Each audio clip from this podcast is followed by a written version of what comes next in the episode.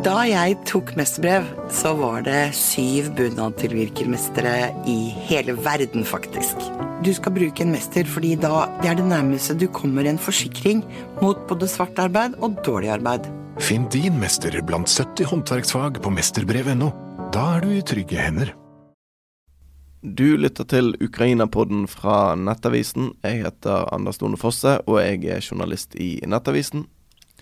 Jeg er Jørnsen Henriksen. Jeg er Ukraina-skribent i Nettavisen og leder av Norsk-ukrainsk venneforening. Det er 593 dager siden Russland gikk til en fullskala invasjon av Ukraina, og dermed eskalerte krigen, som har vart siden 2014.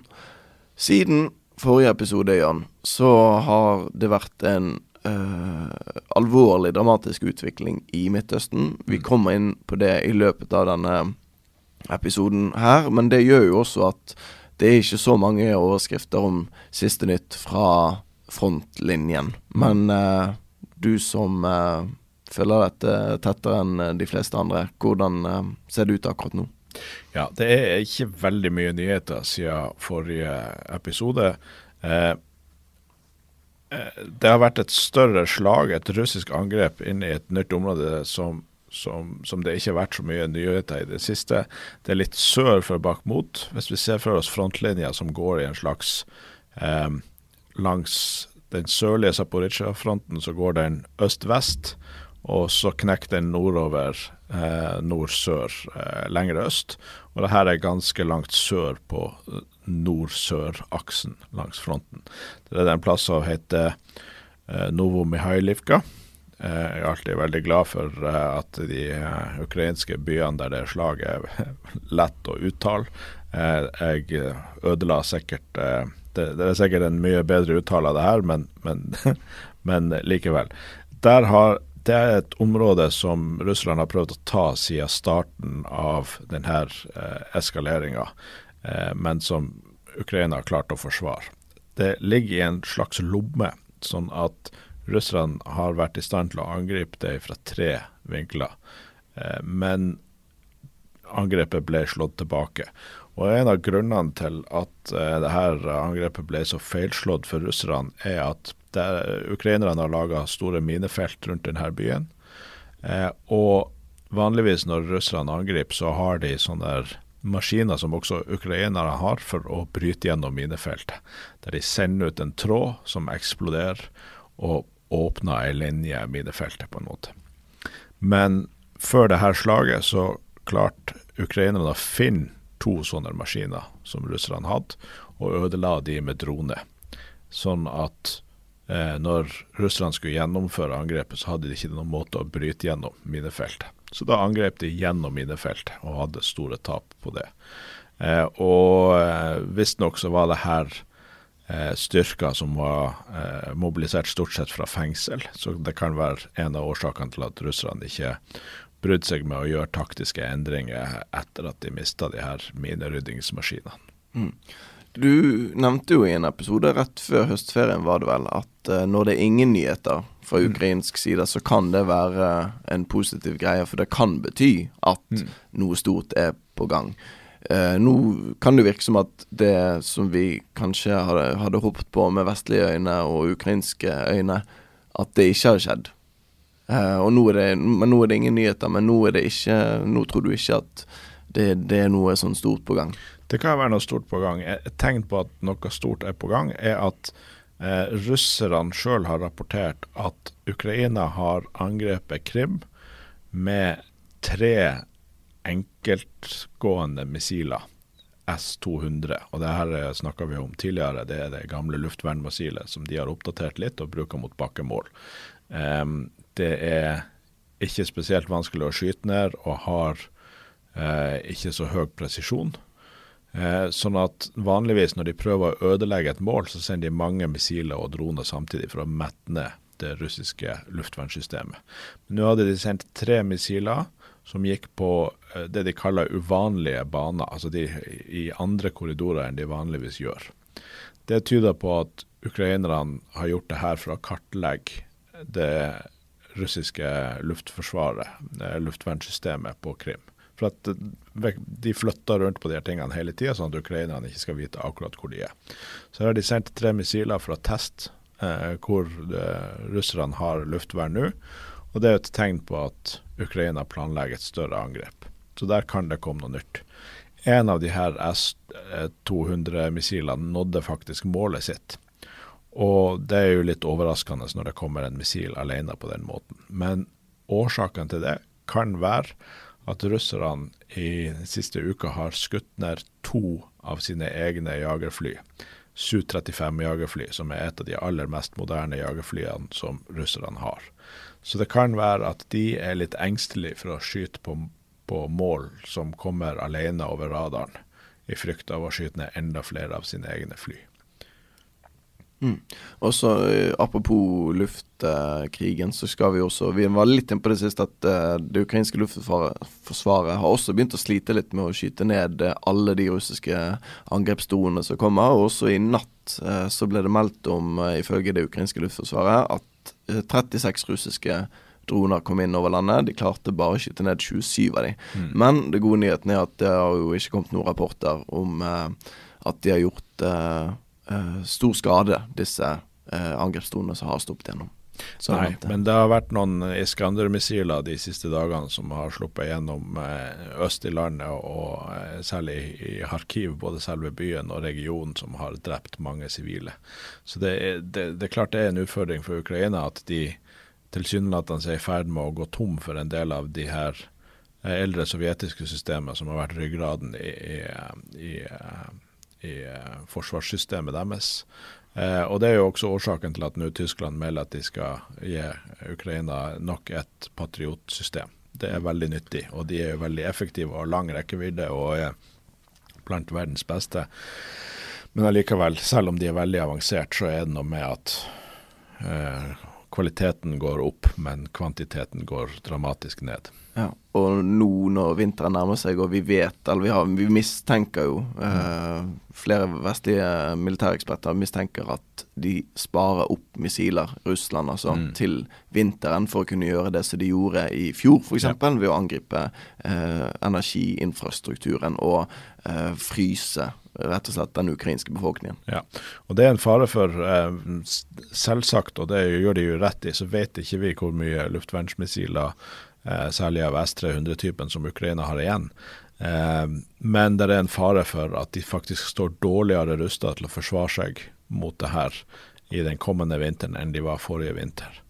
Og igjen, svaret på det er vestlige jagerfly. Vi rekker ikke å få det operativt før vinteren. Det kan vi vi i Vesten takker oss sjøl for.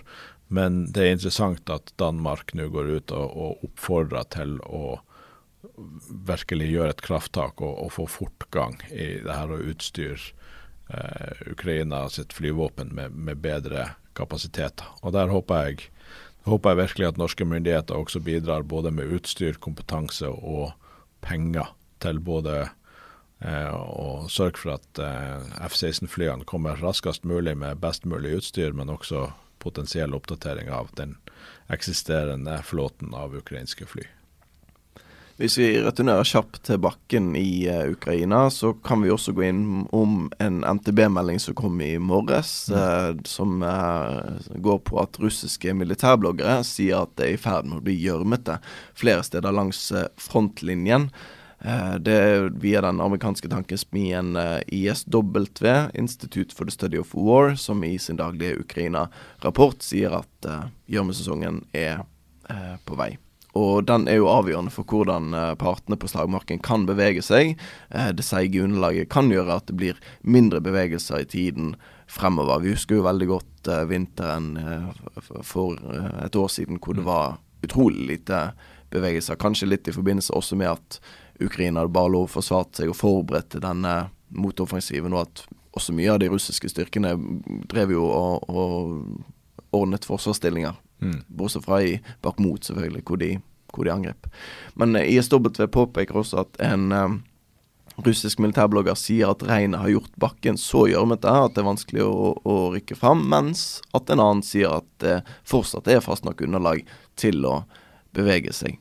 Og uh, ja, forholdet er sannsynligvis forskjellig langs frontlinjen, men værforholdet blir generelt sett verre, ifølge ISW. Ja, absolutt. Det, men det er viktig å huske på at det er en 1000 km lang frontlinje, så du vil ha forskjellige forhold langs frontlinjen. og det Gjørmeproblemet vil nok være større i nord eh, enn en i sør, og det er jo i sør hovedkampene foregår.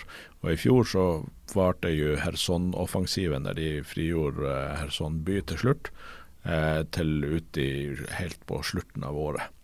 Så, så det, vi får se hvordan værforholdene eh, preger krigen fremover. Men eh, jeg vil ikke utelukke at eh, den ukrainske offensiven, særlig i sør, fortsetter i mange måneder fremover.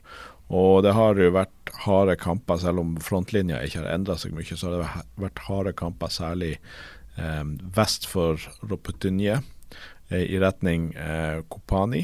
Der har Russland og Ukraina angrepet eh, flere ganger frem og tilbake. Ukraina har angrepet, Russland har kommet med motangrep. Eh, så fronten har, bølga frem og tilbake flere ganger. Sannsynligvis store tap på begge sider, men vi vet at eh, russerne har tapt flere av sine beste stridsvogner der, og også eh, et sånn eh, missilartillerisystem som er spesielt eh, avansert og, og, sjelden i det russiske forsvaret. Så, så kampene foregår, foregår, med full styrke der fortsatt, selv om frontlinja ikke har beveget seg så veldig mye siden forrige episode. Bare for å gi et bilde på det, så når vi tenker bare nord-sør, da, så er jo faktisk den avstanden omtrent Oslo-Trondheim. Altså ja. den, uh, den lengden på den frontlinjen. Så har jo folk et forhold til det, og, og ikke minst eh, klimaet. Hvor mye det kan forandre seg på Absolutt. Den avstanden. Vi hopper til um, Israel, vi. Um, for selv om uh, dette er jo en uh, konflikt mellom Israel og, Palestina, så er jo det også noe som skaper ringvirkninger. Uh, Jørn, jeg mm. vet ikke helt hvor du vil begynne med dette. Du skrev jo en kommentar i går. Jeg, jeg, skrev en kommentar i går der jeg peker på Altså hvis vi begynner med, med, selve angrepet, vi skal ikke gå inn i detaljene på det her veldig ekstremt brutale angrepet eh, som har skjedd. Eh, men det er klart det får konsekvenser. Altså det, eh, altså dødstallene stiger, og det er nå det mest alvorlige angrepet på israelske sivile siden opprettelsen av den israelske staten. Eh, så, så, det er noe som virkelig vil, vil, få konsekvenser. Men hvis vi ser på det angrepet som ble gjennomført fra et noen taktisk ståsted, så var det et veldig sofistikert angrep. Altså de eh, de starta angrepet med en kombinasjon av missilangrep og droneangrep. Eh, og så brøt de gjennom forsvarsveggen med, med bakkestyrker, samtidig som det kom folk inn på små båter fra sjøveien, og det kom inn folk via lufta med motoriserte paraglidere. Og alt det her skjedde samtidig. Og det er ikke bare å sette i gang så mange operasjoner på én gang. Det, det er mange eksempler på at både russerne og ukrainerne har slitt med det i sine slagfelt. Så det er en veldig sofistikert operasjon. Og det er ikke troverdig i det hele tatt at Hamas har trent og planlagt denne operasjonen alene fra Gazastripa. De har hatt hjelp. Og da er jo spørsmålet hvem har hjulpet de? De har allerede takka Iran for støtten. Eh, og der er kilder fra Iran også som på en måte har innrømt at de har vært involvert. Så det er klart at iranerne har vært involvert. Men det er grunn til å se på, og også, det er jo spekulasjon på dette tidspunktet, om Russland har vært involvert på et eller annet nivå. Eh, og det er det mange som spekulerer i. Jeg ser i dag altså både Telegraph sin eh, daglige podkast gjør det. Hillary Clinton var ute og spekulerte i det. og Eh, uavhengig om Russland har vært involvert selv på et veldig basalt nivå med å si at det, det her er supert, kjør på, eller om de har vært med på, på, på, trening og finansiering av det her, eller om de faktisk ikke har vært involvert i det hele tatt, så er det helt klart at russerne tjener på det her. Det har potensial til å kunne bli en storkrig med, med så ikke bare mengden drepte, drepte, men brutaliteten i hvordan de her sivile blir drept gjør at Israel kommer til å reagere, og det kommer til å skape friksjon i, den, eh, i Midtøsten og mellom Israel og sine naboland. Og Russland tjener helt klart på at fokuset rettes den veien.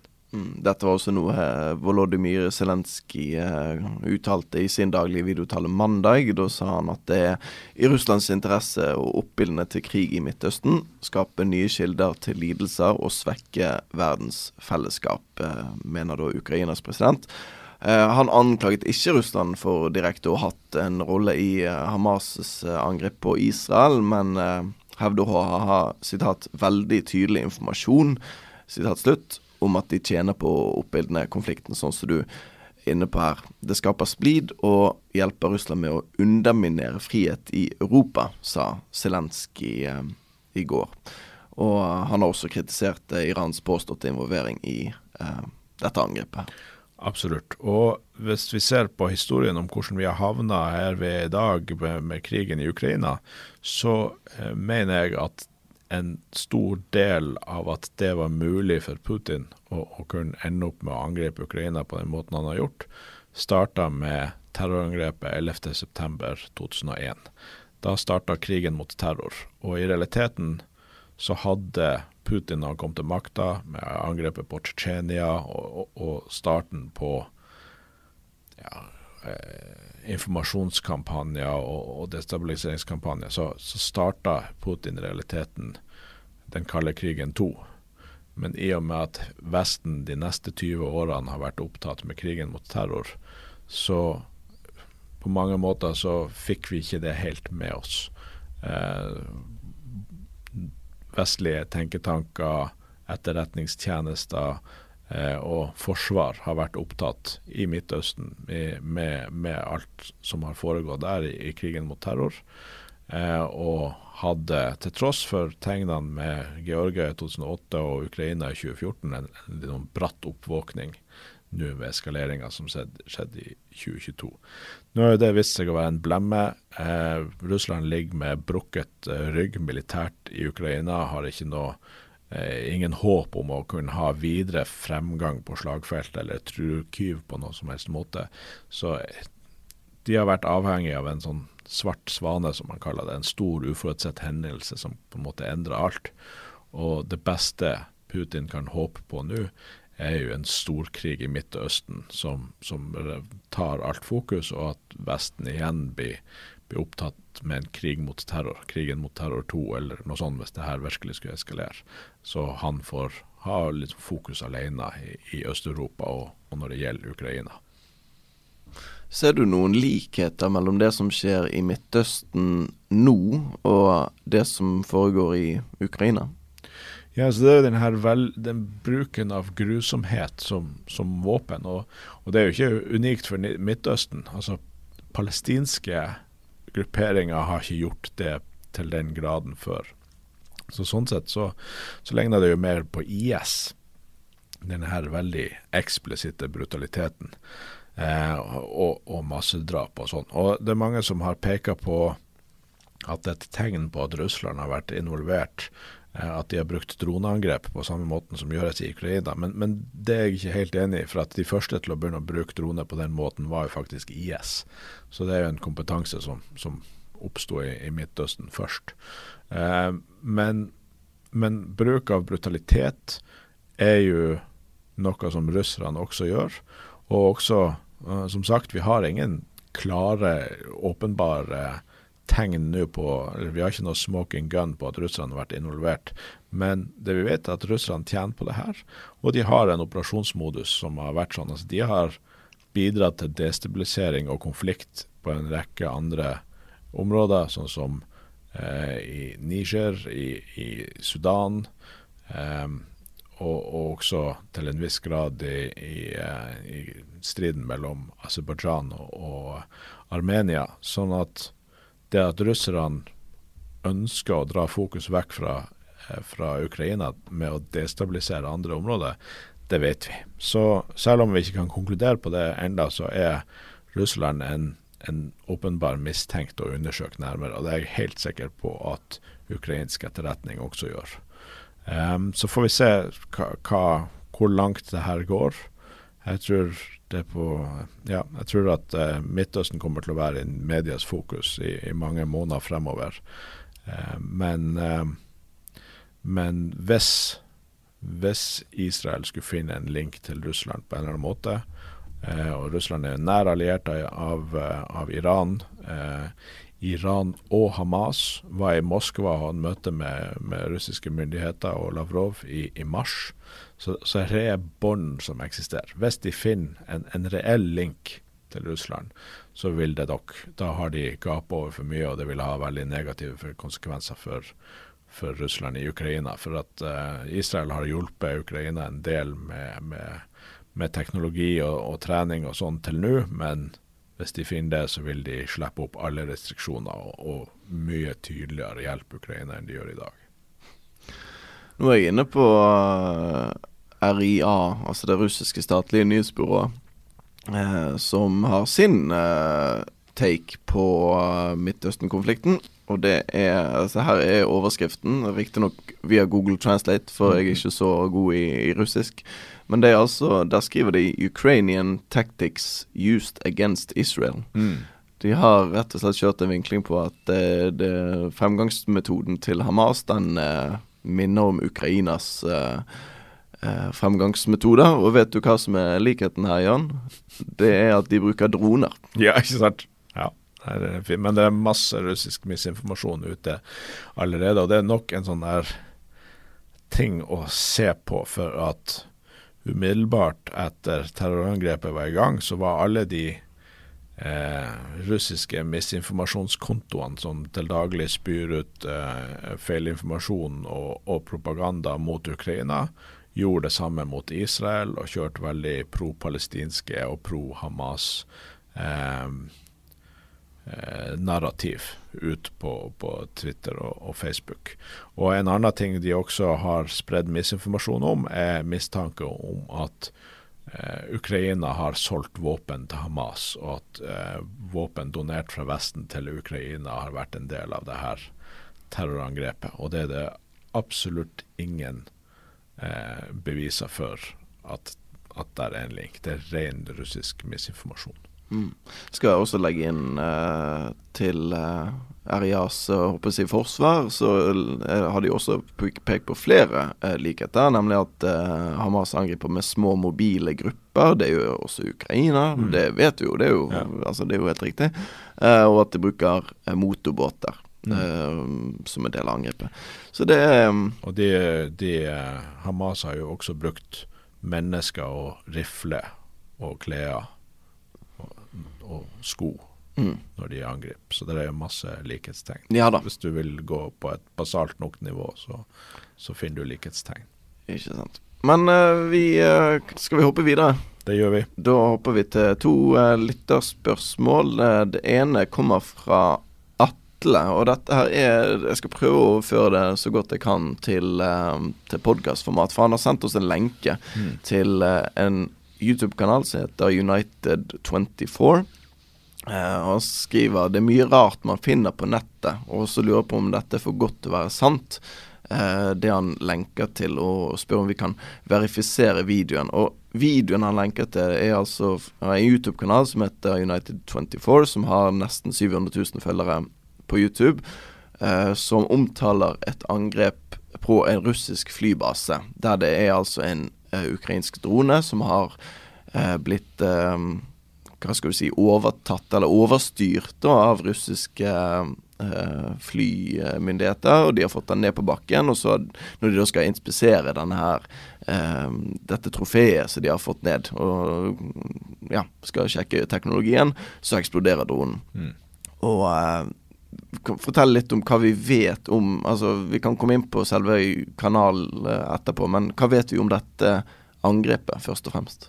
Ja, altså det, det angrepet er omtalt av mange medier. Men det virker som at alle, alle mediesakene er basert på én kilde, og det er en anonym kilde i den ukrainske etterretningstjenesten. Og skyte inn også, Det er stort sett ukrainske medier, og så har du Medusa, som er et russisk uavhengig eh, nettsted som også har mm. omtalt dette. Men de er for så vidt veldig troverdige, Medusa, ja. da, i den forstand at de, eh, de er ikke påvirket av russiske mm. myndigheter, de er løsrevet. Ja. Så, så altså, det er troverdige nyhetssteder, men alle sammen har én kilde, og det er ukrainsk etterretning.